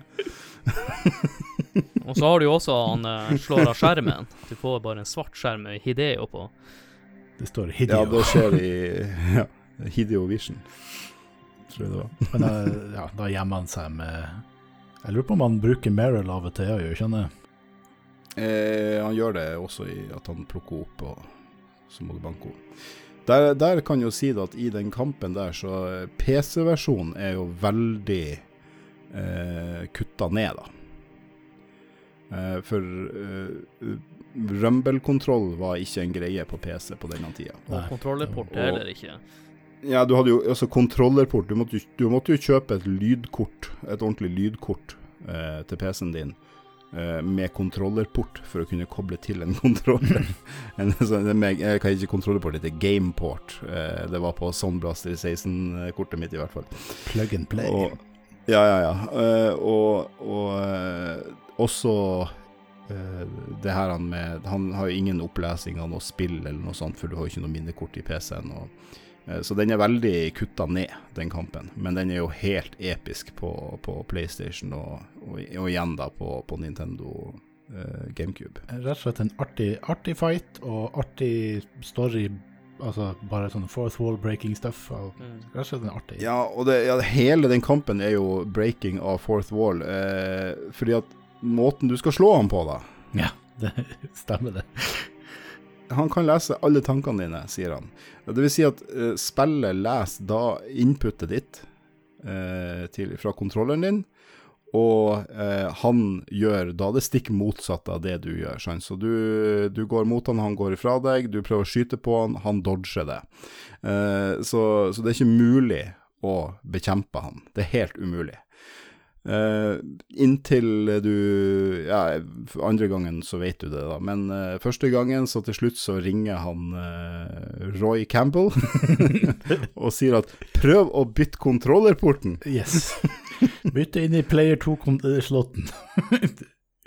og da kan ikke han lese tankene dine lenger. Ja, og på slutten av eh, kampen, så Det som også er litt kult, er jo i hvert fall mange av fiendene, at du får se en annen side fra dem. Han angrer jo litt etter hvert når du har ligget for døden. Altså, han Psycho Mantis hater jo bare alle. Men han, han leser jo tankene dine òg. Ja, han er, Snake er vel den eneste han ikke hater. Ja, men han, eh, ja, for han syns han Snake og, og han Liquid Snake, Solid Snake og Liquid Snake, da. For han, han nevner jo Liquid Snake òg, da. At eh, du er jo You're just like the boss. You're worse than me. eh, altså, han, han, er jo, han er jo bare koselig i forhold til han, i forhold til han Solid Snake. Så derfor velger han jo å hjelpe deg. Og, og det at han Snake har, går ikke rundt og har dirty thoughts. Han er pure in his motives. Ja, for han, eh, han her har jo lest eh, Han sier at han har lest eh, tankene til alt av mennesker siden han var liten, og, og det eneste han ser, er jo de samme grunnleggende tingene, sant. Hat og, og folk har lyst til å formere seg og sånt, og han syns at det er helt disgusting. Men det kan jeg tenke meg at hvis du hadde vært sånn at du kunne høre hva alle tenkte, Mm. og se alle sine tanker, jeg tror du hadde blitt ganske fucka i hodet ut av det. Ja, vi- altså det, det er mye under overflata som folk holder for seg sjøl, som Ja, som gjør at du tolererer dem. Ja. det, Ja, men liksom, du, alle går jo og tenker det weird shit innimellom, Ja. men, eh, men, men sant, så hvis du da hører alle de tankene, da kan jeg tenke meg at du mister ganske trua på menneskeheten. Så har vi Sniperwolf, som det ligger i navnet, er en eh, sniper, og hun foretrekker å bruke Heckler Kokk PSG1. De sier jo at hun kan klare seg mange dager uten proviant, men eh, hun er faktisk en drug junkie og avhengig av dis Dissipam, som er jo sånn valiumgreier. Det er vel også det du må bruke mot henne i bosskamper for å ikke sikte skal jokke frem og tilbake. Bli stødig på hendene. Ja. Og HR møter hun to ganger i spillet. Og en liten funfact der er at hun er født i 1983, som er Det betyr at hun er ett år eldre enn dere, og to år eldre enn meg. Mm. Så i 2005, da var jeg ikke engang i førstegangstjenesten, så hun har fått til mye på kort tid. Ja, hun var 22 da. Hun var ganske smekker. jeg var mer inn på henne enn hun. Ja, er du eh, Team Wolf, du? jeg er Team Wolf. Ja, jeg velger å ikke uh, gå inn på det. det. Men det er jo litt kult den første gangen du møter henne, i den lange korridoren der. Ja. Og hun gjør jo noe som uh, kanskje ikke mange tenker på i virkeligheten, men uh, hun bruker jo Meryl som beit for han så litt snek med å skyte henne. Det er jo en eh, kjent taktikk i virkeligheten, for eh, i hvert fall under andre verdenskrig, at de Ja, og Skada Ja, noen skyte, skyte noen og la dem ligge in the open. skade, skadeskyte dem. Og det er vel eh, Jeg husker ikke, det er en avgjørelse du må gjøre her. som eh, også bestemmer hvordan slutten på spillet blir. Ja. Det kommer rett, rett etter den her. Vi kan jo bare snakke om sekvensen, og her blir det en ren sniperduell. Yes. Ja. Og da må du ha Eller du må ikke, men det gjør fighten mye enklere. Da må du ha litt eh, drugs for å bli stø stødigere på hendene. Og det, det som skjer, er at du må jo faktisk backtracke her, da. Mm. For å få en sniperrifle. Uh, så det, det er kanskje en ting som folk uh, ikke liker i det spillet. da. Det at du må, du må backtracke helt til det første området for å plukke opp. For da har du fått en keycard som er høy nok level til å kunne få tak i den rifla. Som er en PSG1. Det er jo en kul fight, og så er jo det han, eh, han Jan var inne på, en er torturscener med han Revolver Ocelot. Eh, Som er en veldig viktig scene, da, med tanke Ja. på slutten. Ja, for hvis du gir deg uh, i tortur uh, For du, du skal jo trykke for å holde deg i live. Og hvis du gir opp, så, så dør Merrill. Ja. Er, det dette, er det på dette punktet at vi Yes. er der? Ja. men det som er kult, han, han Revolver Ocelot sier jo hvis du bruker sånn superstikker, Ja. så vil han, Repeater-knapper. ja, vil han legge merke til det, eller noe sånt. Ja, men det er eh, morsomt hvis du på den torturscenen, når du trykker Så e- etter du er ferdig med scenen, så eh, sier jo Naomi at du skal massere armen din med, med kontrollen. Jeg liker det grisete vendinga dere får. eh, Med en gang kommer på de kvinnelige karakterene her, så Ingenting grisete med armmassasje. Hånd, håndmassasje, ikke noe grisete i det hele tatt. Eh, for de som har spilt på en 7-remaken. Men eh, så har vi jo en eh, bosskamp til med og Sniper Wolf, som eh, Der kan du cheese litt mer. Da er du mer ute i det åpne. Ja, du kan, du kan jukse. Eller så er det en jævlig kul sniperkamp, Ja. da. Jeg husker jeg digga den kampen. Jeg husker jeg kunne finne på å loade opp savegamen før, og så spille den kampen flere ganger. Men eh, juksemåten er å bruke den raketten vi snakker om, den du kunne styre sjøl og bare Ja, Nikita. cheese. Det er Litt morsomt du bruker Nikita for å slå en eh, russisk dame.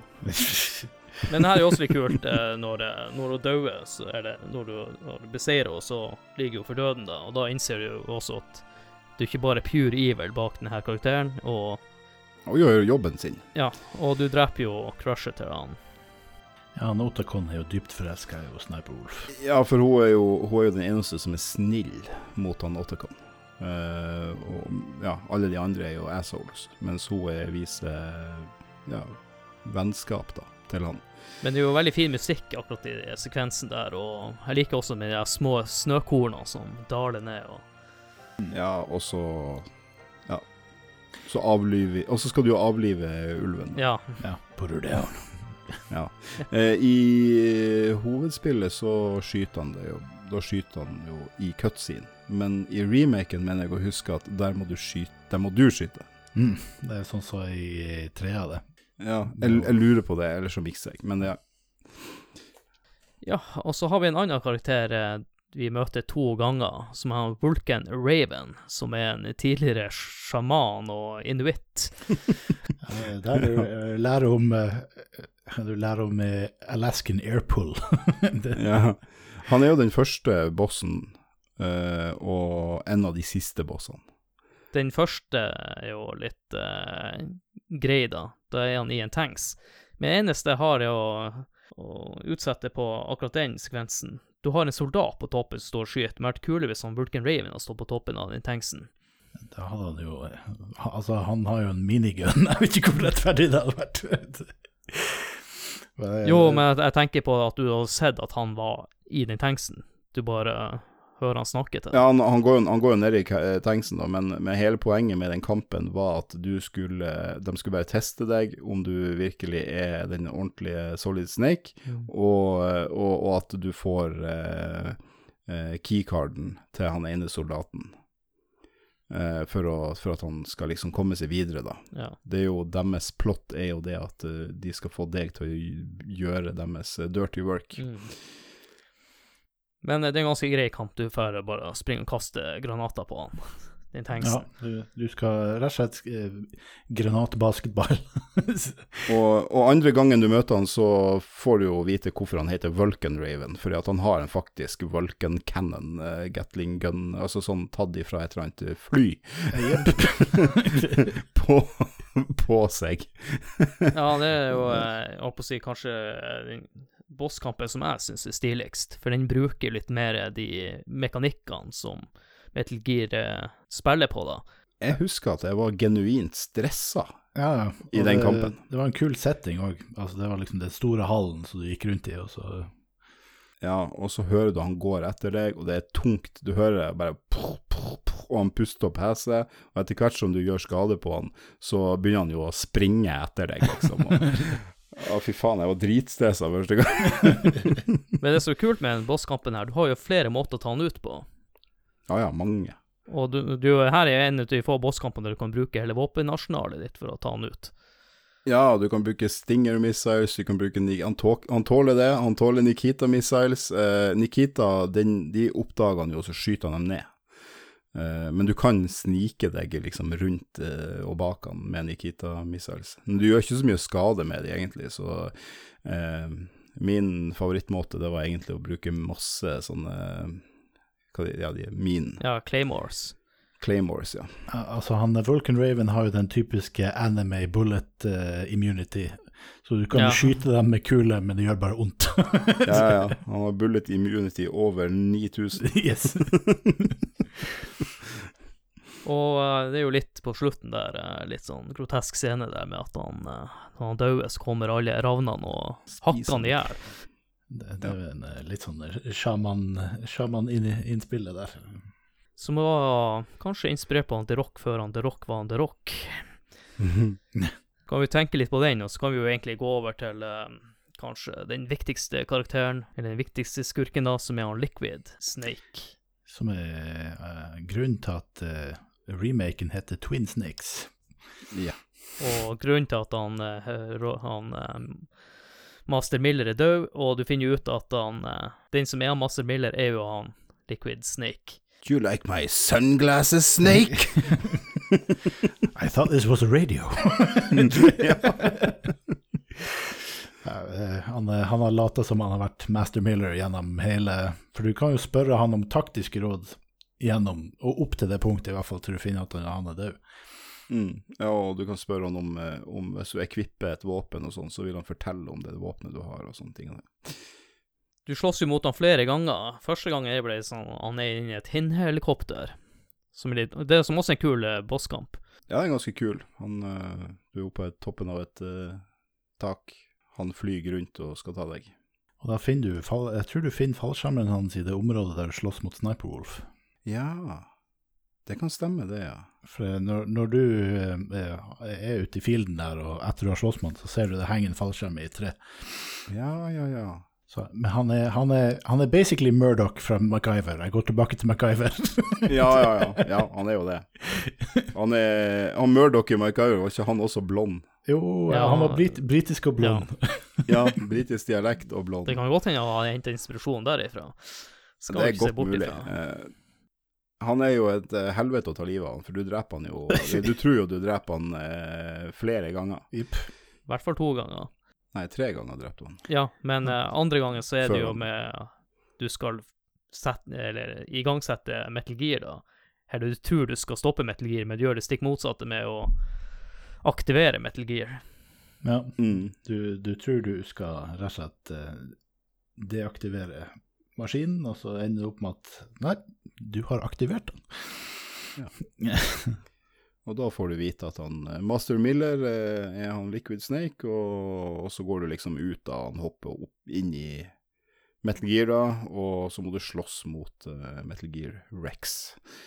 Jeg vet ikke hvor mye vi skal snakke om den kampen. Det, Nei, det, altså, det er jo det er en stor kamp med, i, et gedigent, uh, i en gedigen hangar Mm. uh, mot Metal Gear Rex. Du får i starten hjelp av han um, Grey Fox. Grey Fox. For øvrig, Grey Fox, eh, kodenavnet hans er jo Altså, han er den eneste soldaten som var god nok til å få kodenavnet Fox. Mm. en eh, fun fact. Eh, men, men eh, ja, i hvert fall. Du, du, du banker jo han Liquid der med å, med å ødelegge Metal Gear. Så får du en fistfight. Og så får du en fistfight, og så slår du han eh, Men du tror jo det på jeg, jeg vil bare si, du tror han dauer når eh, du tar Metal Gear. Ja. ja. Så det er gang nummer to du tror han dauer. Og så har du fistfighten. Du tror han Ja, også dauer. på toppen av Metal Gear, eh, som, som du da, når du har slått han Til slutt så må du jo slå han sånn at han detter utfor. Mm. Du, du, må tømme, du må tømme han for liv, og så til slutt så slår du han sånn at han detter ut. Og da dør han jo garantert. Han detter jo ned i liksom det han eh, ulme flammehavet under, og borte er han. Og så starter Nei, for han starter jo en self-destruction sequence. Starter han den før eller etter fistfighten? Jeg husker ikke helt det. Nei, nei, det er før fistfighten. Ja, Så du må slå han på ti. Igjen da, da, da, da, en- enten da så er jo Meryl der og i live, eller så er jo Meryl der og er død, avhengig av hva du gjorde eh, tidligere i spillet. Ja, I torturscenen. Ja, og hvis hun er død, så er det han Otacon som flykter ut den veien sammen med deg, og hvis hun er i live, så er det hun som flykter sammen med deg, etter at du har drept han Liquid for tredje gang. Uh, og da, surprise, surprise, han Liquid kommer faen meg etter deg da. Du skal kjøre, da skal kjøre ut derifra, og han Liquid kommer plutselig da I'm not done yet, Snake. Not over yet. og så står du bakpå en bil der mens uh, Merrill eller Otacon kjører, og, eh, og du har en sånn M60 maskingevær, eh, og må bare holde han unna. Mm. Og til slutt så kommer han jo ut, krasjer ut av det her han greia, og eh, bilene tipper over ende, og da, nå må han jo faen meg være død. Ikke faen. Men nei da, han kommer ut fra bilvraket sitt der og bare Snøk! Og da, eh, så til slutt så stryker han med av noe vi egentlig ikke har nevnt i det hele tatt. Nei, hele det er veldig viktig. Kan være greit det nå å nevne det nå, da. Ja. Han dør av foxdye. Yes. Et genetisk virus, eller det, ja, modifisert virus som bare tar livet av visse personer. Som hvem har laga? Det vet vi ikke ennå. Eller jo, Jo, det hun, det er vel hun Naomi. Det vet. Naomi. Hun forteller om det før Ja, det. det stemmer Det er jo. Naomi som har laga det. Og eh, blant annet så skal det ta knekken på han Solid Snake, Fordi at eh, han har tatt livet av en Grey Fox. som er broren hennes. Ja. Så det, det, vi er skikkelig i familiesagaen De syv søstre her. det er veldig drama. Og vi har heller ikke nevnt at han eh, DK Octopus dauer av Foxdie. Ja, han dør av Foxdie, og han Armstech-presidenten som du skulle redde, selvfølgelig. Det glemte vi jo helt. grunnen til at Han han, dør av... eh, DK Octopus dør av Foxdie, jeg tror ikke det var meningen de skulle ta livet av han, men for han tok blodet til han DARPA-sjefen inn i seg. Ja. Ja, det er sånn han får utseendet deres. Ja. Det at han tar blodet deres inni. Og i og med at han har det, så dør han. Ja, for det er vel ingen av bossene som dør av Foxdie. Altså, nå sk- Nei. skyter du dem til døde. Ja, du dreper dem, men, eh, men eh, ja. Ja, en Ocelot eksempel blir jo ikke drept av det. Eh, Jeg tenker det er jo andre ting vi kunne ha nevnt, sånn som uh, den der uh, heisekvensen der det dukker opp noen soldater og Men uh, episoden har jo blitt såpass lang da vi snakka om de bossene, så jeg tenker vi kan jo gå og Jeg tenkte jeg skulle nevne litt sånn småting om Twin Snakes, da. Eh, Vi nevnte jo at eh, det fantes jo andre versjoner også. Eh, Ralf, vil- hva du vil si om den PC-versjonen, siden du spilte den? Eh, PC-versjonen er noe no, ja, sånn uh, P P public announcement til alle som hører på, det er at uh, den får du kjøpt, og den funker på Windows 10. Eh, den får du kjøpt på gog.com, det koster 75 kroner, sammen med Metal Gear Solid 2. Eh, funker veldig bra. Det her er da Metal Gear Solid integral-versjon med noen uh, quality of life-forbedringer som de har gjort med spillet. Mm. Eh, ellers så er det ganske så rått brutalt, den eh, originale versjonen. Men de har noen patcher og ting. Blant annet så kan du save fra eh, menyen. Du, pause, du har en egen pausemeny de har laga for den versjonen, så du kan save der. Du er ikke nødt til å ringe henne mailing eh, for å save, og litt sånne ting, da. Så den, eh, den funker veldig bra. Eh, men det er klart, eh, det, er et, det er et gammelt spill, så det ser jo ikke så Grafikken er ikke så bra. Men igjen, det var det jeg sa veldig tidlig i episoden. Det var at eh, valget av kameravinkel, det at du ser ovenifra og ned, gjør at spillet har egentlig holdt seg jævlig godt. Hadde det vært tredjeperson, så tror jeg faen ikke det hadde vært spillbart i dag. Ja, det er jo en eh, estetikk som begynner å komme tilbake igjen òg. Den Mm. Ja. Det, det eneste som jeg, jeg har å trekke ned litt sånn på, men, men det er jo sånn spillet alltid har vært, er at jeg syns kameraet er litt for nært. mm. Det nevnte jeg jo tidligere, at det, det er litt vanskelig å se hva som er rett framfor. Men det gjør jo den hard-moden jævlig hard. så det skal være en utfordring, så ja. Ja. Nei, PC-versjonen funka Jeg hadde ingen problem, ingen krasj, ingenting. Det funka helt supert på, på eh, PC-en min, og du kan spille det på whatever. Du trenger ikke et uh, dedikert grafikkort eller noe. det, det gjelder Jeg tror GOG gir kun ut spill som er, går an å spille. altså, det, de, det er ikke sånn som Steam som selger alt, men GOG Ja, og så halvparten funker ikke. Ja. Nå har jeg ikke, nå har jeg ikke tenkt å diskutere eh, Twin Snakes, men uh, jeg vil bare uh, nevne noe om det. Uh, jeg og du, Ralf, vi diskuterte jo litt i cutscenesene. Uh, det var jo Ja. den andre som lagde det. Men jeg har funnet ut i ettertid at eh, Silicon Nights. Ja, men jeg har funnet ut i ettertid at eh, han som tukla for mye med cutscenesene, var faktisk han Kojima sjøl, som innførte alle Matrix-sekvensene. ja. De, de hadde laga noe greier, og så syntes han at de ikke hadde tatt det langt nok ut. Han eh, dodger en rakett. Ja, Ja. og du ser Matrix i Han alle hopper vel på en rakett òg, gjør han ikke det? jo, stemmer det. Uh, en annen ting som de har jo valgt å gjøre i spillet her, de mente jo at uh, på det her tidspunktet at kameravinkelen kameravinkel ovenifra og hvordan det så ut, var litt utdatert. Så de innførte jo den first person shoot-moden fra Metal Gear Solid 2, da, som breaker spillet, mange bosser, og gjør spillet utrolig lett. Og så er det mer tredjeperson, er det ikke det? Uh, som gjør det veldig mye lettere, da. For at uh, ja, ja, kamp og Revolver også, da. Du kan bare stå og så sikte, skyte headshots. Du får trank gun òg, så gjør det også mye. Får du trank gun der? Det, Ja, altså, det- de har, det de er har derfor vi de har jo Ja, for også er jo samme grafikkmotoren som, uh, som toa, da. Men uh, jeg tenker vi får ikke så mye tid nå til å snakke om det. Nei. Så jeg tror egentlig rett og slett at vi bare kan gå over til å rate Metal Gear Solid.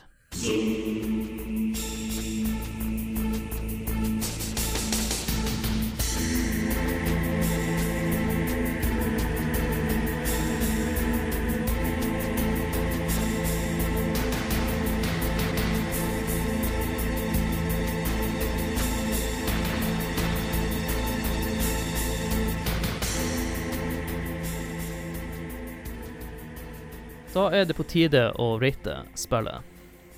Vi bruker karakterskalaen som er henta fra Nintendo-magasinet, og den går fra 1 til 10, og vi bedømmer spill ut ifra de her fem kriteriene, som er grafikk, lyd, spillkontroll, underholdning og holdbarhet. Og vi kan begynne med der, Alf, på grafikk. Ja, grafikken er Skal vi ta det om da, eller er grafikken da i, i dag? Det er sånn generelt. Generelt, ja, da vil jeg si en Ja, men jeg har lyst til å Jeg har lyst til å bruke datiden, for da var det en tier. men, men i dag så er det en Ja, må jo være litt grei. Ja, men, men så, OK, vi kan si, si syv, da. Jeg kan si syv, så er det midt imellom. Jeg syns den er ganske Altså, grafikken passer til spillet, eh, så jeg vil si han ligger til 7-8, ja. Ja, jo, Mm. ja. 7-8. Ja, da sier vi, da sier vi åtte, bare for Ja, at det fortjener det. Uh, en uh, lyd og musikken. Ja, det er en tier. Ja, musikken, Det- musikken er garantert en tier. Det er innertier, innertier for min del. Og ikoniske lyder alt, og game over-scenen er jo Ja, ja. legendarisk alt, så Skytelyder, altså den der når du trykker start. Ja, den game over-lyden er jo memed to, to the afterlife. Ja, ja, ja. Så ja, nei, det er en tier. Men nå kommer vi interessante, som er spillkontroll. Ja, takket være kameravinkelen, så er den eh, faktisk ganske god. Eh, jeg vil si en eh, åtter eller en nier. Ja, du må Den er mye bedre enn du kan Ja, jeg sier åtte, da. På grunn av at auto-aim. Men det hjelper deg jo, selvfølgelig. lenge siden jeg spilte, men uh, tja Jeg husker jo det var jeg, jeg, var flink i det, så jeg ville jo putte det da på en nier. Ja. Og da er vi over på underholdning her. Hva du tror. Hva du tror det får. Ti, selvfølgelig. Storyen er flott, og voice actinga er flott, og karakterene er interessante, og ja, det er en tier. Ja, det er ganske enkelt. Og da kommer det jo det magiske her, eh, holdbarheten. Ralf, du som har akkurat har spilt Jeg som nettopp har spilt det, jeg mollkosa meg gjennom det. Det var en fryd å spille det spillet igjen, så det har mm, ti. Det eneste som ikke har holdt seg, er grafikken. Men uh, spillet og spille det, hvis du, hvis du tåler å se litt PlayStation 1-grafikk Så, så du vil si det er like bra nå som det var da? Ja. Jeg har ikke spilt det, som sagt, men uh, Du har jo spilt spillet. Ja, altså, ikke- jeg har spilt ikke spillet, det men ikke, jeg har ikke spilt det på kanskje Jeg har vel ikke spilt det på 20 år. så. Eh, men jeg, eh, det ser jo fremdeles kjekt ut, så jeg vil jo si det holder hold seg på i hvert fall en nier. Da har vi gått igjennom ratinga. Jeg har ikke kommet med rating sjøl, for at eh, jeg har ikke spilt det her spillet så mye. For enkelhets skyld så vil jeg si at jeg er ganske enig med det dere har gitt eh, som karakterer.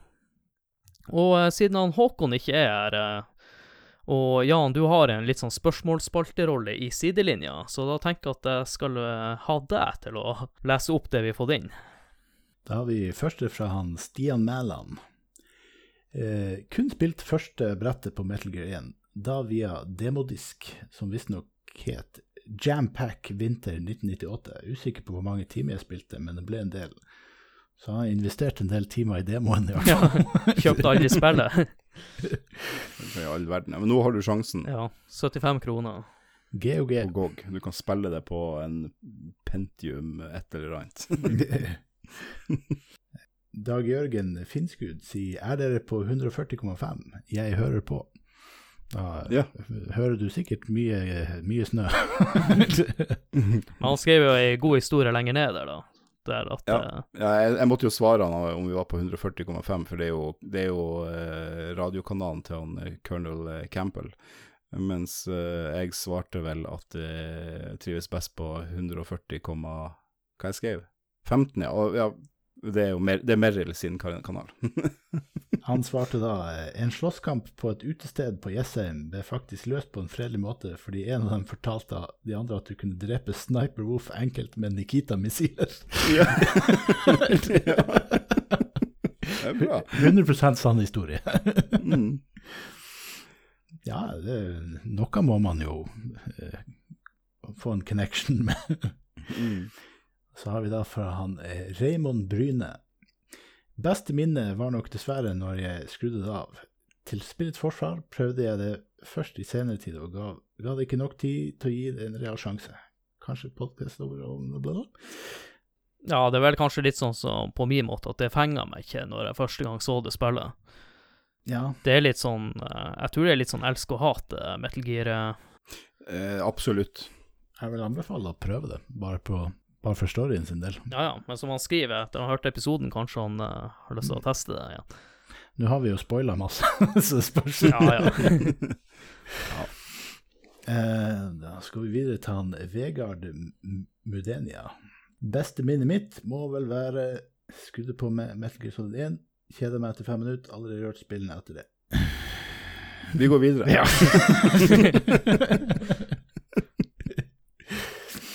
Eh, Ørjan Synnevåg Drotningsvik eh, sier eh, God minne fra spillet fra å spille Metal Gear Solid 1, dem, eh, Metal Gear Solid 1-demoen om og om igjen. Ellers har jeg ikke rørt det før femmeren kom ut. Har brukt en del gode timer på den.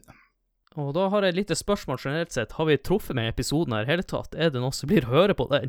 ja, det, altså, det må jo eh, Metal Gear Solid 1 var jo populært, så vidt jeg Ja, jeg bare ser nå at alle eh, har testa demoen, men ingen rørte det igjen etterpå.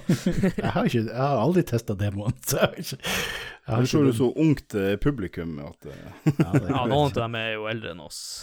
mener jeg. ja, de- at det er sånne gamliser vet du, som ikke skjønte at det var kult.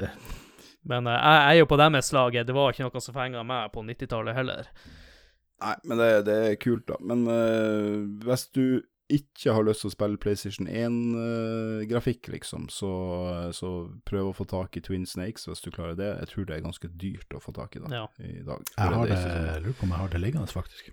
Det, Eh, ja, jeg hadde det sjøl, men, eh, men eh, en, ellers så ville jeg kanskje ha eh, fått tak i HD-versjonene av eh, toa og trea.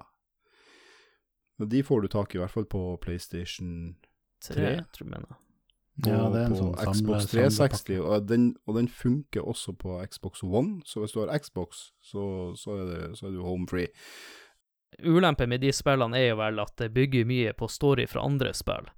Nei, men da ville jeg spilt trea, for den er litt uh... Ja, den, da får du en origin story til han Big Boss, Ja, for den er lenge, lenge før en av to. og da trenger du ikke ha spilt de andre, egentlig.